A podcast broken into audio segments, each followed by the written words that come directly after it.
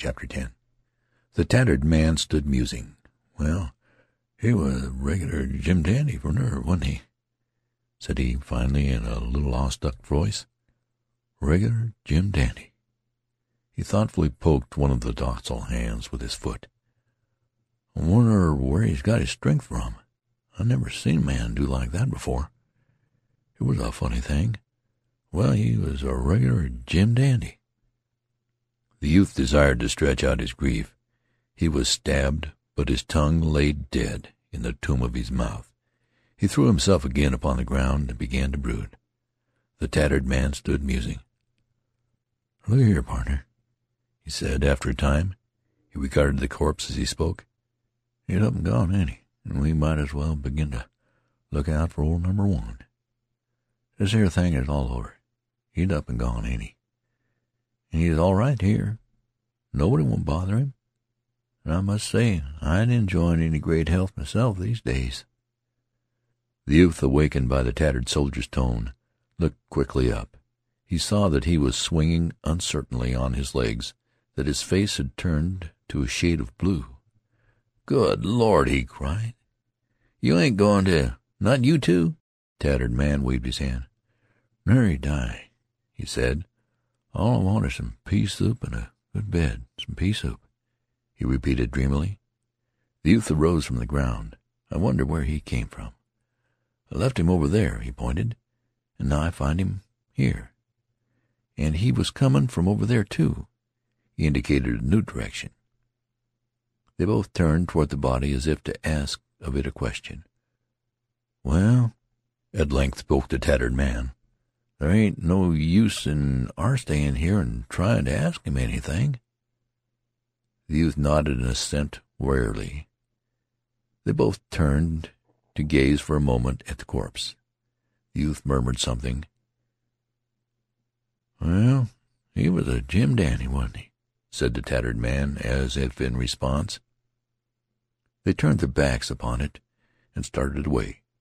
For a time they stole softly, treading with their toes. It remained laughing there in the grass. "I'm commencin' to feel pretty bad," said the tattered man, suddenly breaking one of his little silences. "I'm commencin' to feel pretty damn bad." The youth groaned. "Oh, Lord!" He wondered if he was to be the tortured witness of another grim encounter. But his companion waved his hand reassuringly. "Oh, I'm not going to die yet. There's too much dependin' on me for me to die yet. No, sir, nary die. I can't. You'd ought to see what uh, children I got, and all like that."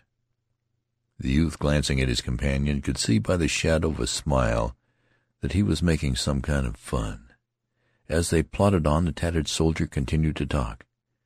"Besides, if I died, I wouldn't die the way that feller did. That was the funniest thing. I'd just flop down, I would. I I never seen a feller die the way that feller did. You know, Tom Jamison, he lives next door to me at home.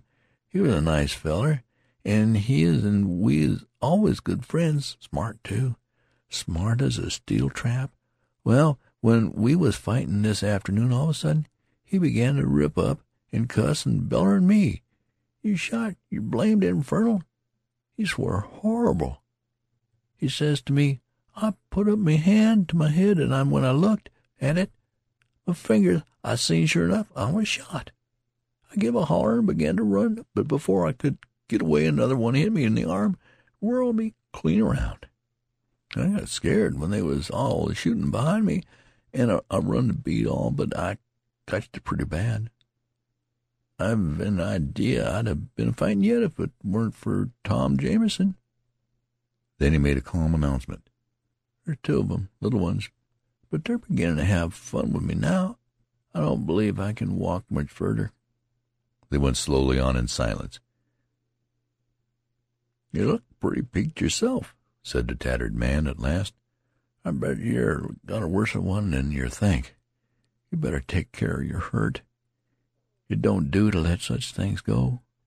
It might be inside, mostly, and them plays thunder.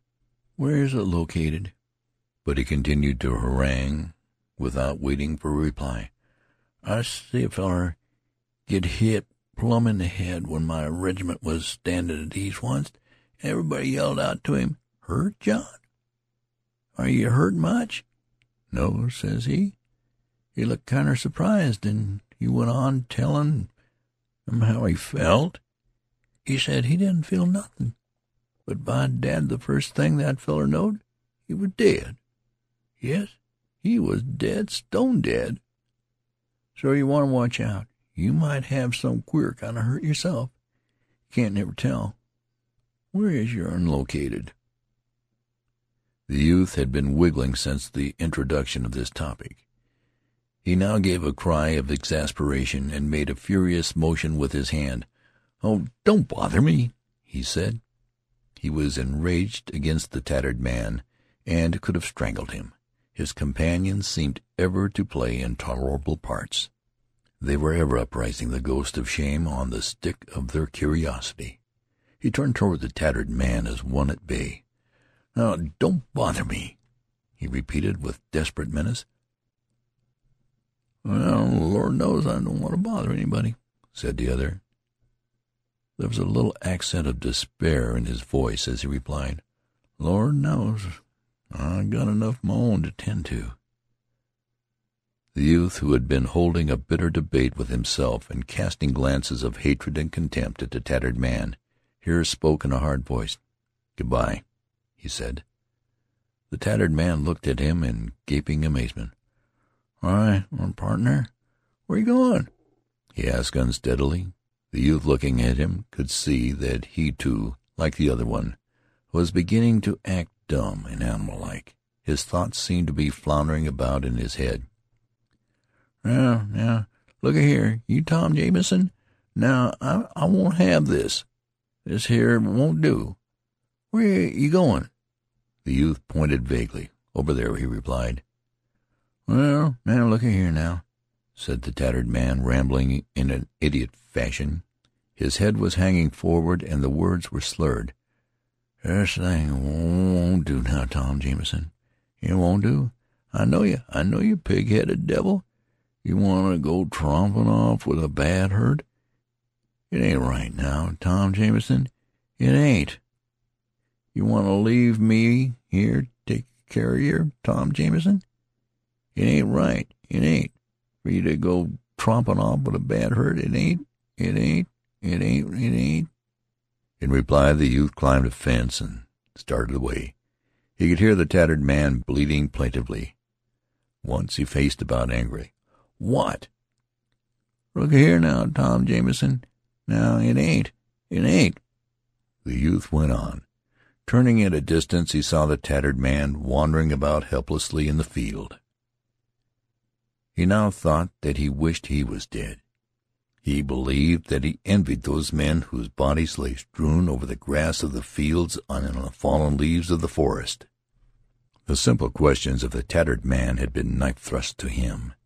They asserted a society that probes pitilessly at secrets until all is apparent.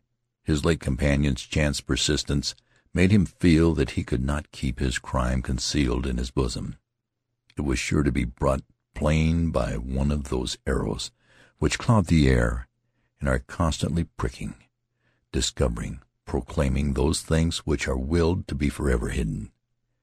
He admitted that he could not defend himself against this agency. It was not within the power of vigilance.